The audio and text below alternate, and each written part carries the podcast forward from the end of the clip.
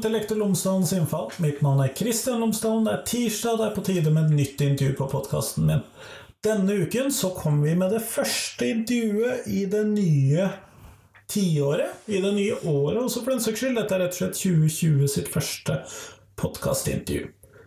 Det blir et opptak som riktignok er laget i sommer, men det har tatt litt tid å få det riktig ut. Sånn skjer. Eh, dette intervjuet er med Asbjørn Dyrendal. Han er professor i NTNU, og han forsker eh, på mye forskjellig. Forrige gang han var på podkasten, så snakket han om konspirasjonsteorier. Denne gangen så er det for å snakke om religion i populærkultur, eller kultur, religion populærkultur i religion, og det nye KRLE-faget som inneholder en sekvens som dette. Tidligere så har jeg snakket med Sissel Lundheim om eh, dette temaet. Nå snakker jeg med Asbjørn Dyrendal.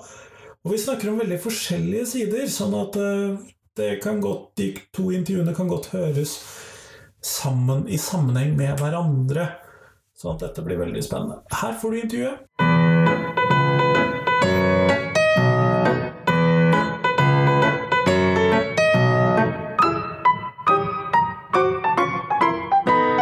Asbjørn Dyrendal, tusen takk for at du har tatt deg tid til meg i dag. Bare hyggelig. Før vi starter intervjuet, kunne du ha fortalt lytterne mine tre ting om deg selv, sånn at de kan bli litt bedre kjent med deg. Mm. Starter kjedelig. Jeg er utdannet religionshistoriker. Jeg jobber på NTNU. Og så jobber jeg da mest med type konspirasjonsteorier, nye religiøse bevegelser, nyreligiøsitet, populærkultur, spesielt satanisme og den typen ting. Og eh, noen innbiller seg at det må bety at jeg er et spennende menneske, men jeg er utrolig kjedelig. Alt det spennende det foregår mellom permer og eh, i hodet, og ellers er jeg et ekstremt vanedyr som stort sett pendler mellom jobb og hjem og trening, og ikke gjør noe annet. I den nye utg... eller i siste utkastet til læreplan for religionsfagene, så er eh, populærkulturen eh, kommet inn som en del av eh, religionsfagene i skolen. Ja. Særlig på videregående. Yep. Eh, og da snakker vi jo ofte om hvordan vi finner religion i film, og vi snakker også om hvordan vi finner forskjellige typer Lego med religioner Mm. og så videre. Men, eh, og dette er jo ganske hyggelige ting. Ja. Men uh, dette Men- har vel kanskje ikke bare en ren sånn hyggeside? Nei, og det er liksom sånn En ting er religi religion i populærkultur, men populærkultur om religion er jo minst like spennende. Eh, Så eh, nå eh, har jeg da akkurat fått kjøpt meg, på anbefaling av en tidligere student, Far Cry 5. For jeg skal spille gjennom for å se behandlingen av religion i Far Cry 5. Og jeg har jo latt meg fortelle at det er eh, en ikke spesielt hyggelig form for religion jeg kommer til å møte eh, nokså fort i den sammenhengen. Jeg hører noe vi skal legge i shownotes der, ja. Ja. Eh, eh, Mitt absolutte favorittspill i den sammenhengen når det gjelder religion eh, i, i spill Altså i, i hvordan det blir portrettert, behandla, diskutert. Altså hvordan det inngår i hele konseptualiseringen av universet og blir, blir satt sammen, tenkt og diskutert rundt. Det er Bioshock Infinite. Som er en utrolig elegant, sammenskrudd, nokså tradd, eh, gammeldags science fiction-fortelling. Eh, på mange måter. Men som har dyptgående intertekstualitet mellom de ulike elementene av fortellingen og eh, ulike politisk-religiøse skrifter og posisjoner utafor eh, spillverden og på andre måter. Du, har så mange nivå, eh, både internt i teksten, som kommuniserer med hverandre, og utafor, eh, som gjør dette her til et kjempespennende tema. Og det er jo heller ikke kanskje verdens triveligste form for religion, for det er altså sånn en, en ekstremt rasistisk og uspiselig profetsekt som er, viser seg da basert på svindel og teknologi som utgis for å være eh, eh, religion og eh, brukes da inn mot, mot profetens virke i, i denne sammenhengen. Mm, og det, da har jeg ikke engang begynt å pirke liksom sånn den første lille mikronanometeren i, i overflaten på det, hvordan det spillet er. Så populærkultur og religion er så mye breiere enn bare hvordan du kan finne religion i det, men også hele den samfunnsdiskursen, unnskyld dette uttrykket, eh, om religion, som blir inkorporert og behandla og tatt opp, om videreført, og hvilke ting det er også noe som er nokså typisk for populærkultur. Det er noen ting som egner seg for populærkultur mer enn andre ting, fordi du skal jo lage spennende fortellinger. Og veldig mye hverdag er jo nokså dritkjedelig, ikke sant? Religion er ofte spennende. Religion er ofte spennende, men veldig mye av religion er eh, hvem skal sørge for at eh, koret møter til riktig tid, og ikke sant. Altså sånn når altså Det er mye øving. Når skal vi ha kafé? Ja, ikke sant. Hvem har ansvaret for å sørge for kaker? Eh, hverdagsorganisering. Altså, religion er utrolig mye hverdag. Det er bare folk ikke sant, som gjør folketing. Det er som når folk spør meg om satanisme i sånne sammenhenger. Fordi populærkulturen kulturen så er satanister kjempespennende. ikke sant? De driver og ofrer ting, og de, de, de, driver spenstige ritualer, og de, går i fancy klær i ulike sammenhenger. Eh, så jeg blir spurt om det, så sier jeg nja, det er vanskelig ofte å få til ritualer. Da, fordi, altså, for det første så er det jo nokså få. De bor på ulike steder, øh, og, i den grad de i det hele tatt vil ha kontakt med hverandre, det er jo ikke sikkert. Så skal det liksom sånn avtales Den ene skal på jobbseminar, og noen må skaffe seg barnevakt, og, og noen er på konsertturné med bandet sitt. Og, ikke sant? At det er vanskelig å koordinere alle disse tinga. Så religion i hverdagen eh, er en veldig sånn fin kontrast også til religion i populærkulturen. Fordi noen av disse tinga du, du, vil se i populærkulturen, det er de som egner seg for fortelling. Det er det som gjør eh, ting spennende og gøy. Det er dommedag, det er det ekstreme. ikke sant? Det, det, typisk sånn sosia følger sosialpsykologiske eh, gode huskeregler, det der. Eh, person i situasjon i det mer ekstreme versjonen av det. Så du har liksom nonner og munker og prester jurister og, og den typen sånn spesialister, og veldig få som eh, sitter med regnskap eh, og eh, driver og teller kollekten og den typen ting. Så det er kjempefint. Det er en veldig, veldig fin ting å se. Men det gir bestemte former for bias inn i, inn i materialet. Men det er jo selvfølgelig noen filmer som er veldig gode på disse tingene. Ja, så er problemet for sånne som meg, som kanskje ikke alltid det er verdens mest sånn nyanserte og eh, høylitterære eh, orienterte. Eh, en del av de beste tingene om religion, kunstfilm for eksempel, er ofte litt sånn småkjedelig. og der tror jeg kanskje at jeg er litt mer på linje med 17-åringen og 16-åringen enn eh, en flere av mine litt mer intellektuelt høyverdige kolleger er eh, i så måte. Så det egner seg kanskje akkurat de bitene som er best til å portrettere virkelig religion. Eh, altså mennesker i et samfunn som lever mer eller mindre sammen, og også sammen med andre, og som også gjør religion. Men hvordan det preger hverdag og kultur, det egner seg kanskje best på universitetet for de spesielt interesserte. Mindre i klasserommet på videregående skole med 16 og 17? Jeg har en mistanke om det. Eh, jeg er villig til å bli utdannet i å forstå det annerledes, for all del. Men jeg gjorde et forsøk på å se en sånn eh, kunstfilm på Netflix her nå for ikke så lenge siden, og det, det gikk ikke så bra. Det, jeg, jeg, tok meg selv liksom sånn å hente fram eh, telefonen og sjekke om det skjedde noe på Twitter. Hva galt har Trump gjort de siste fem minuttene? ja. Så ja.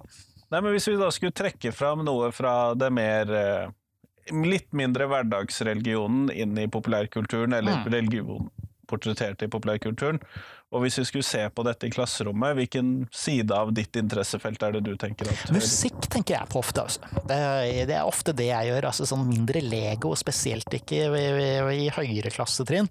Eh, veldig lenge siden jeg hadde små barn. Eh, jeg husker jo Lego Star Wars og sånt, det var eh, veldig fint en stund. Men, og Star Wars er jo fullt av religion? Ja, ja, ja absolutt. Eh, mengder. Og det, vi har jo jediisme og alt mulig rart vi kan, vi kan trekke ut av på, eh, på ulike måter i, i, den sammenhengen. Men, men, de er kanskje litt for store for det? de er kanskje litt for store for det. Eh, men, men musikk syns jeg er veldig fint. for fordi det er en type ting som ofte er veldig lett til stede. Det er eh, kortere enn eh, 90 minutter til to og en halv time. Så det er litt lettere å putte inn i en klasseromsituasjon. Lettere å putte inn i en klasseromsituasjon, lettere å se på, og noe av det er veldig, veldig eksplisitt. Du har veldig mange ulike musikksjangre hvor eh, religion inntrer, også hvor religion blir behandla på ulike måter, eh, som kan sette opp rom for diskusjon. Så det er, ikke, det er ikke vanskelig å finne, det er ikke vanskelig å se, det er ikke vanskelig å eh, altså, De er jo ikke store diktere, de fleste av disse her. Så det er nokså nokså tydelig, så det er lett gjenkjennelig materiale med posisjoner som det går an å ta opp. Det er ingenting som ikke lar seg på et eller annet vis illustrere. Og i tillegg så får man da dette her ekstraelementet med musikken, det er at du kan se hvordan rytme og klang og den typen ting er med på å understreke bestemte typer budskap. Nettopp. Har du noen sånne gode eksempler som du ville trekket fram, hvis du skulle da trekke fram med, med musikkstykke knyttet til religiøs ja, altså nå holder jo jeg mest på i disse sære landskapene, da.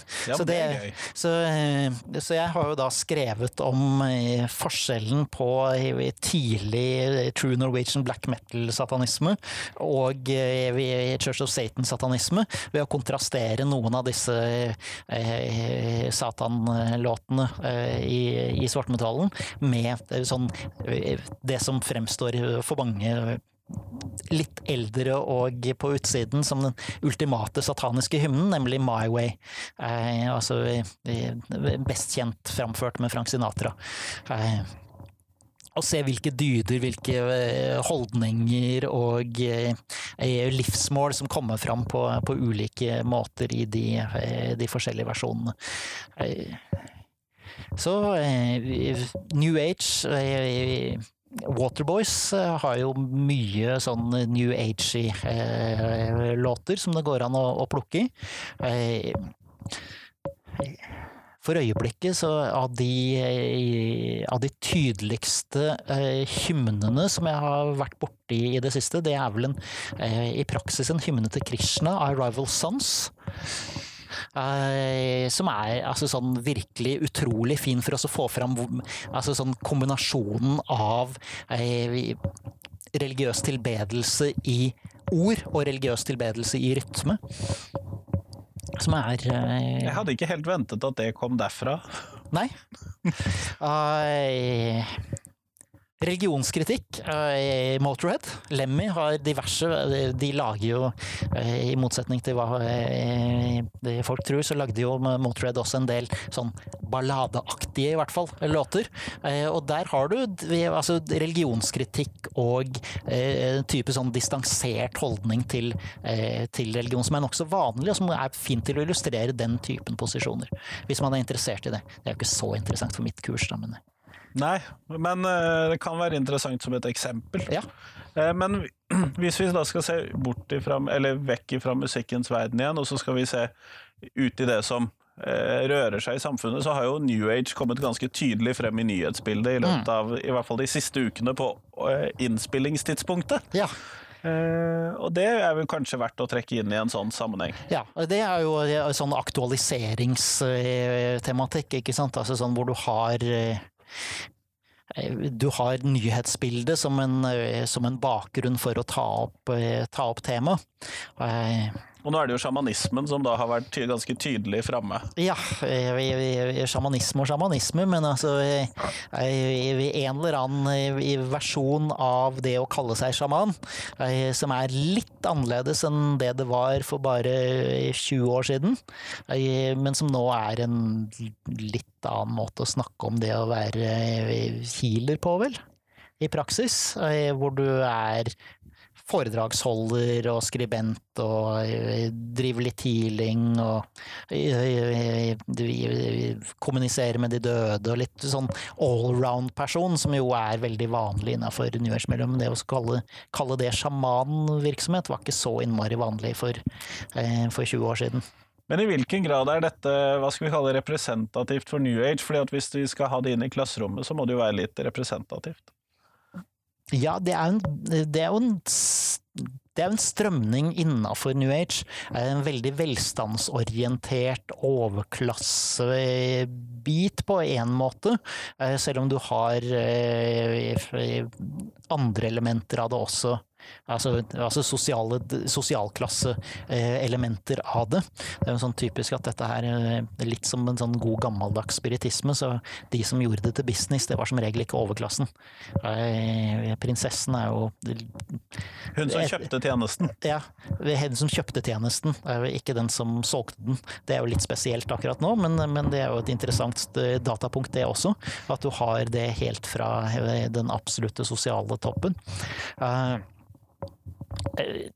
så du har noe der. Samtidig så har du innafor dette breiere nyreligiøse landskapet som vi ofte da kaller New Age, så har du andre ting som er eh, beslekta, og som ligger i forlengelsen av det, og som kan trekkes inn i den sammenhengen. Altså spådomstjenester eh, på ulike måter, som jo ikke egentlig er spådomstjeneste lenger, men som er en slags form for sånn eh, bekjennelsesterapi-orientering.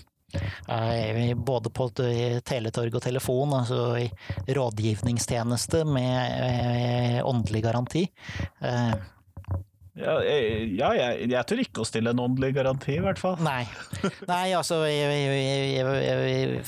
jeg, er jo en sur, gammel skeptiker. Så det, når jeg sier åndelig garanti, så betyr det jo at buyer beware. ja, eh, men når vi da Og så har vi det helt hele med alternativmessen inn i dette her, da. Ja.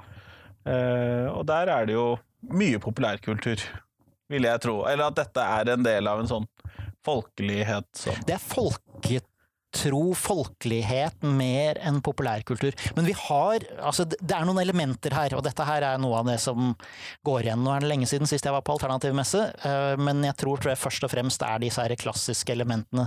Eh, ulike alternative terapier på ulike vis, ulike måter å drive alternativ diagnostikk på. Foredrag om ulike eh, alternative temaer på ulike måter, som da inneholder alle disse her alternative vitenskapene.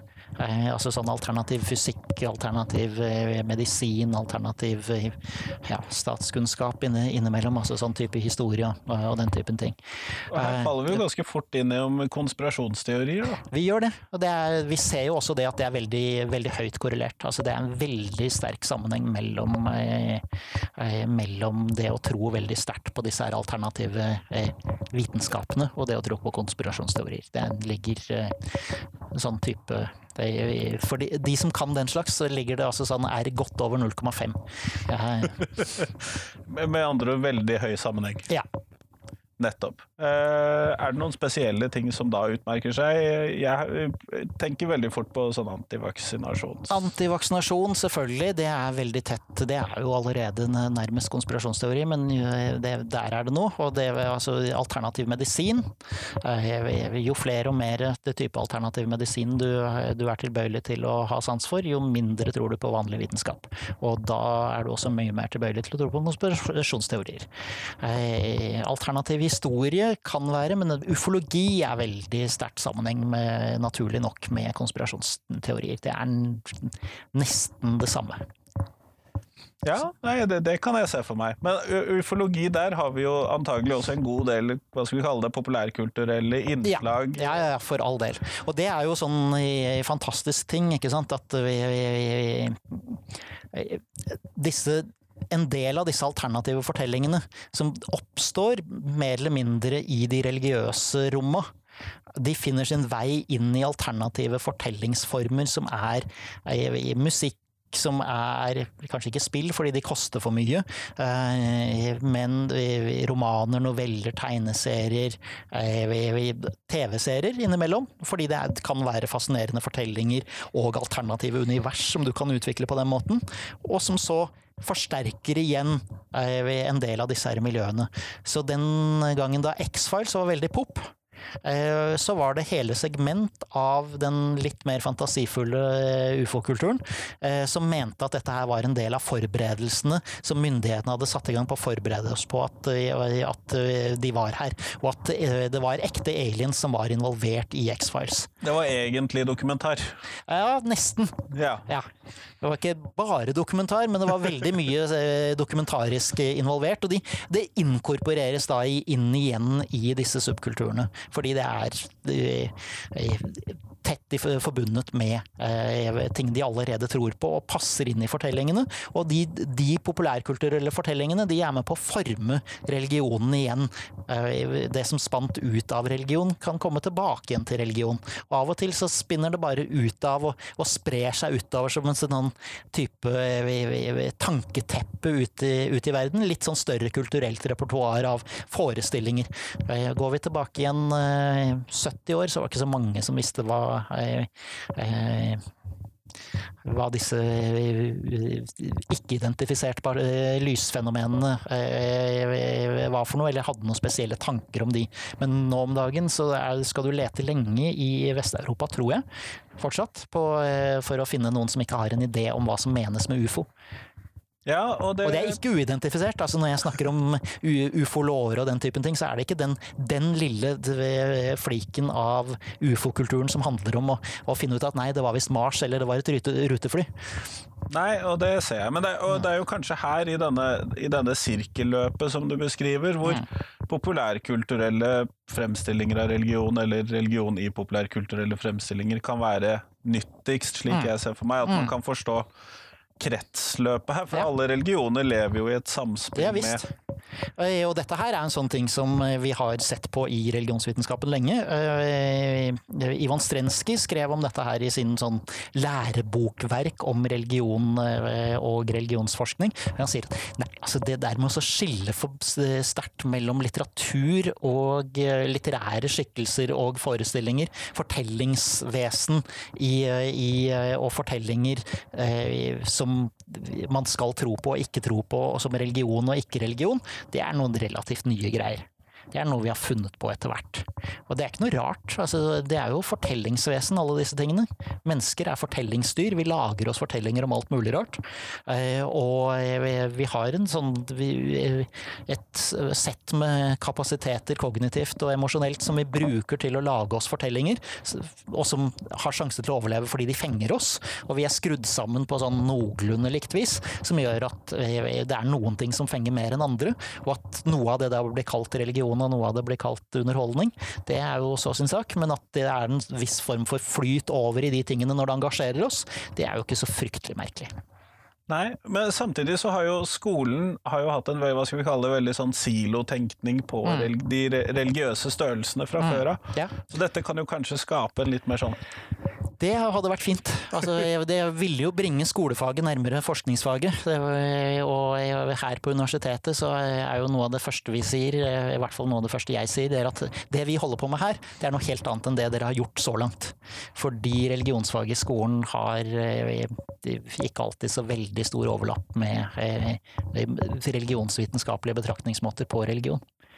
Eh, nettopp fordi vi ikke Vi tror jo ikke spesielt på verdensreligionen, og vi, eh, ja, vi er ikke så veldig begeistra for dimensjonstenkninga, eller ja, det er masse vi syns er veldig vanskelig med, med den, den enkle pedagogiske måten å undervise religion som noe som er fastlagt på.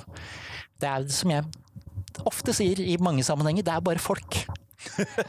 De gjør ting som mennesker gjør på ulike måter, sånn mennesker gjør det. Eh, og eh, så er det litt forskjellige roller og litt forskjellige ting som bidrar Verdier, til at de gjør ting. Ja, ja. Men ikke sant, altså, noen er religiøse spesialister og skriver bøker og eh, har bestemte typer maktrelasjoner overfor andre. Det er fryktelig spennende. Hva gjør de da? Og hvordan reagerer folk på det? Det er en sånn fabelaktig misforståelse som er nokså vanlig ute. En, en eller annen pave har sagt et eller annet. Du tenker, ja, den katolske, eh, Katolikkene mente den gang ja, hva faen burde folk som hva paven sa? Hvordan skulle de finne ut hva paven sa for noe? Hvis ikke de kunne lese selv, eller Ja, altså, eller latin, og når de, når de fikk tak i disse tingene. En fabelaktig skildring i, eh, i frimureriets historie, eh, hvor eh, en av pavene, nå har jeg glemt akkurat hvem av dem der, som får laget en bulle mot, mot frimureriet. Og kardinalen hans bare ler, og det er frimureriet så, det holder rundt omkring i, i, i krokene blant, blant høyere prelater. Det var dagens dille, ikke sant. Altså det, det var eh, moten eh, her og nå, og akkurat hva denne paven, hva tror han er for noe? Sjef? Eh, Men jeg tenker jo da at dette, denne populærkulturen øh, kan være med på å skape en forståelse for at dette er noe plastisk. Da har vært Ja. min tanke. Ja, ikke sant? Kjempefint. Eh, og det å se at folk gjør ting. Eh, Og lager ting og lager forestillinger og fortellinger på ulike måter som er med på å forandre og bidra til at eh, landskapet skifter. Også institusjoner skifter. Det er jo kjempespennende å se på eh, spenning, samspill mellom institusjoner og ting som foregår utenfor institusjonene. Og populærkulturen er jo et av de virkelig store feltene hvor ting skjer typisk da utafor institusjoner. Et element som ofte er med som en del av religiøse eller populærkulturelle fremstillinger av religion, eller religion i populærkultur, er jo dette med dommedag. Ja, Eh, og i hvilken grad tro, eh, kan dette være en måte å se på det inn i skolen, når vi da skal se mer på populærkultur og religion? ja altså Dommedag er jo et av de eh, punktene hvor religion nesten alltid blir problematisk. Ikke sant? Altså Én ting er at eh, folk gjerne misforstår dommedagsbevegelser og tror at det handler først og fremst om dommen, men det er jo det nye håpet som står sentralt i disse bevegelsene, først og fremst. Eh, det er bare så synd for alle oss andre som ikke egentlig eh, det vi passer inn på innsiden, og som det derfor ikke er noe håp for. Og og som vi da naturlig nok er tilbøyelige til å synes at det er litt ubehagelig og eh, gjerne Ja, de, fokusere de på. fleste skal jo ikke bli med videre. Nei, de fleste skal ikke bli med, med videre. Det er noen morsomme vrier på det der også. Noen kommer bare seinere med enn andre. Sånn at eh, den store åndelige oppvåkninga, som er liksom sånn eh, New Age-varianten av dette her, den vil jo ta med eh, heve opp noen før andre, men alle kommer etter, ikke sant. Sånn at du har noen sånne vrier på det også. Eh, som de stakkars eh, atlantidene som ikke var så innmari imponert over oss etter 11.9.2001, og som derfor utsatte den store åndelige oppvåkningen fordi menneskeheten hadde ikke fortjent det ennå. Det syns jeg var litt spesielt. Eh, Litt nærsynt historisk, for jeg tror kanskje at folkemordet i Rwanda var et par hakk verre, men, eh, men Jeg er enig i sånn det. nærsyntthetsbeskrivelsen. Eh, Men eh, dommedag er et, eh, først og fremst da et tema som egner seg veldig godt for å ta opp altså sånn de sosiale dynamikkene i tette sekteriske bevegelser på sitt mer sånn sterkt forlangende og derfor ofte også nokså destruktive eh, i dets modus. Og det fins mengder av populærkultur å ta av, fordi dette her er Du har de sekulære variantene som ikke egentlig åpner opp for så innmari mye håp for noen, eh, selv om Dette eh, går til helvete. ja, Ferdig. ja, det er altså sånn eh, Kometen kommer, eh, type ting. Eller eh, i den nye istiden, eller eh, global oppvarming. Vi har masse strukturelle ting som fører tenkningen i retning av klassiske dommedagsforestillinger i, i mange varianter. Og der har vi noen sånne skiller eh, analytisk som vi kan bruke på dette her. Fordi eh, noen dommedager kommer med håp, andre kommer helt uten. Og noen er mer sånn type forvarsel, men vi kan enda eh, gjøre noe med det, eh, typer ting. Så hva slags ting har vi å gjøre med? Men vi har også fryktelig mange sånn type eh, gode arenaer eh, innafor film, eh, innafor litteratur, innafor vitenskap og innafor spill. Ja. Eh, hvor vi kan se på den typen sånn i- i- i dommedagsmiljø. Eh, En av de tingene som fascinerer meg sånn by the way, med, med spill i så måte, for vi har jo en rekke postapokalyptiske spill. Men hva skjer med religion etter apokalypsen? Ja. Og det er fryktelig interessant måten det er tatt opp på i spill, og det finnes det noen systematiske økonomiske grunner til. Eh, Først og fremst altså, for, for å unnlate å tråkke religiøse eh, kjøpere på tærne, så prøver man å unngå å ta opp religion. Resultatet er at postapokalyptiske samfunn i spill veldig ofte mangler religion. Ja. Altså Hvis du først har religion der, så er den gjerne helt uspiselig på alle mulige måter, eller så, så uspiselig som de kan gjøre den. Du har av og til noen sånne eh, religionserstatninger da, som dukker opp og som fyller rollen til religion. Men altså, for meg så er noe av det sånn arketypiske bildet da, det er eh, The Last of Us. Hvor du møter religion bare fordi du går gjennom kirkeruiner og, og, og gamle gravsteder. Så etter apokalypsen så er det ikke religion lenger. Det er en interessant effekt av eh, økonomiske pressgrupper, men også eh, fortellingsmessig da skaper bestemte typer rammer på som er mulig å Altså, hva er det? Hva, hva gjør dette her med forestillingene våre om religion?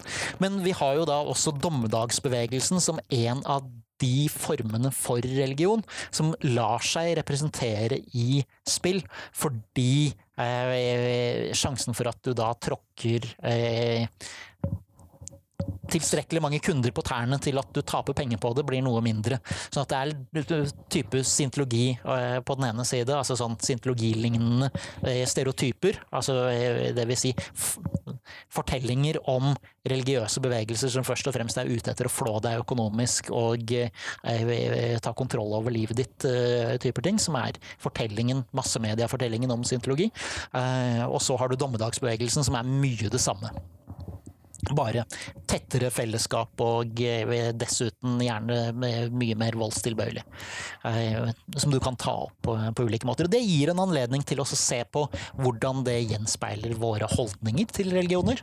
Hvordan det former og bekrefter eh, dem. Men det er også det vi diskutere de ulike sosiale dynamikkene som kan være gjeldende i eh, religiøse fellesskap.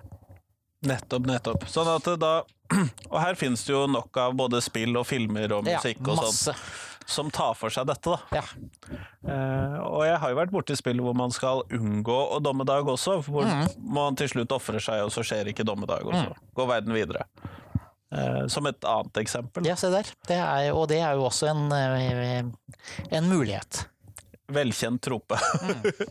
Men når man da eh, bruker dommedag inn i dette, går det an å se, bruke dette til å se på Fordi at du sier at de prøver å unngå å tråkke kundene sine på tærne i disse eh, Når man fremstiller da religion, f.eks. i spill. Men går det an å bruke disse fremstillingene av dommedagssektene til å se på hvordan religiøse grupper og bevegelser fungerer sånn i det vanlige livet? Eller blir det for outrert til at det gir mening? Kanskje. Altså, dette her er en sånn eh, ting som man må tweake, men du kan alltid se på Du kan alltid bruke brokker. Det er jo det fine med YouTube, ikke sant. Det er, alltid noen som har laga biter av alle mulige slags spill. Eh, Presentasjon av religion og religionskritikk i Witcher-spillene, eksempel, er jo eh, ordentlig gøy. Men når de gjør det i spillene, så går det an også eh, Her har vi en treminutterssekvens, eller to, to og et halvt minutts sekvens fra et spill. Her har vi noe fra en film, og her har vi noe fra en dokumentar. Ikke sant? Sånn at du kan sjonglere mellom ulike kildetyper som tar for seg eh, type fenomenet, og så se på eh, ulike trekk i både hva som blir fortalt, hvordan det blir fortalt, og, og hva som er med, og hva som ikke er med. Nettopp. Og det kan jo gi gode læringseffekter. Potensielt, i hvert Ja. Litt avhengig av hva som sies også i Ja, klasserommet. jeg har hatt stor glede av å bruke eh, dokumentarfilm om eh, People's Temple, altså Jonestown-affæren, eh, som for de som ikke vet om det, er den nyere religionshistoriens største masseselvmord og massemord, som skjedde i Guyana i 1978. Eh, Fordi det er genuine opptak både fra rett før eh, massakren, eh, og det er opptak med bevegelsesmedlemmer og etterlatte fra ulike epoker i bevegelsens historie og eh, ettertid. Og det gir et veldig mye sterkere og ektere inntrykk av noe som levd liv, enn noe jeg kan formidle når jeg går gjennom og forteller eh, om sosial organisering, maktstruktur, historikk og samspill med myndigheter og alle mulige andre ting, og eh, det som er med på å drive det. Det, er, det blir noe helt annet ved å se ekte mennesker. Ja, det har jeg forståelse for.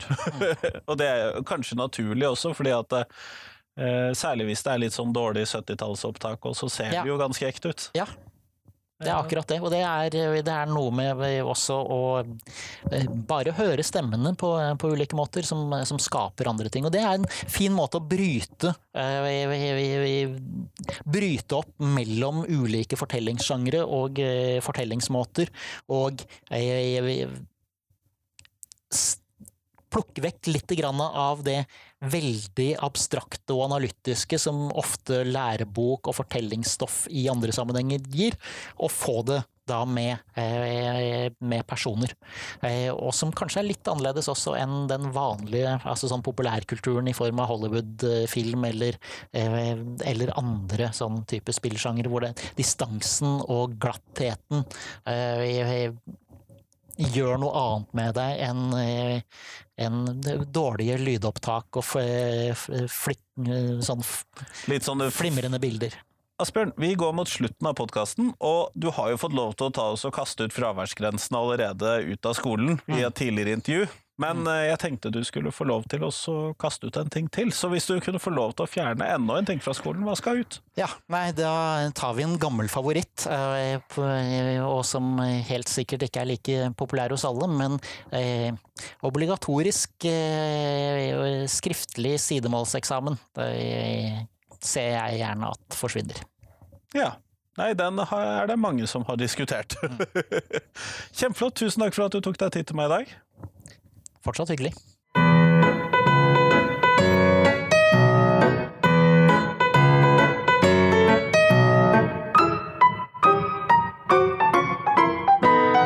Tusen takk til Asbjørn, og tusen takk til deg som har hørt på. Nå er det en uke igjen til neste podkastintervju, og da kommer det faktisk to intervjuer på rad fra Menighetsfakultetet, altså med en ukes mellomrom. Første ut er Trine Anker, eh, og dernest kommer Stula Stålseth. Så det blir veldig spennende. Men i hvert fall, eh, fram til neste gang så håper jeg at du kan høre gjennom noen av podkastepisodene fra 2019. Eh, der var det 62 intervjuer, fant jeg ut. Du har sikkert ikke hørt alle. Hør gjerne noen av de. Men, og del de gjerne med noen. Men nå er det en uke igjen til neste gang. Ha en fin uke. Hei, hei.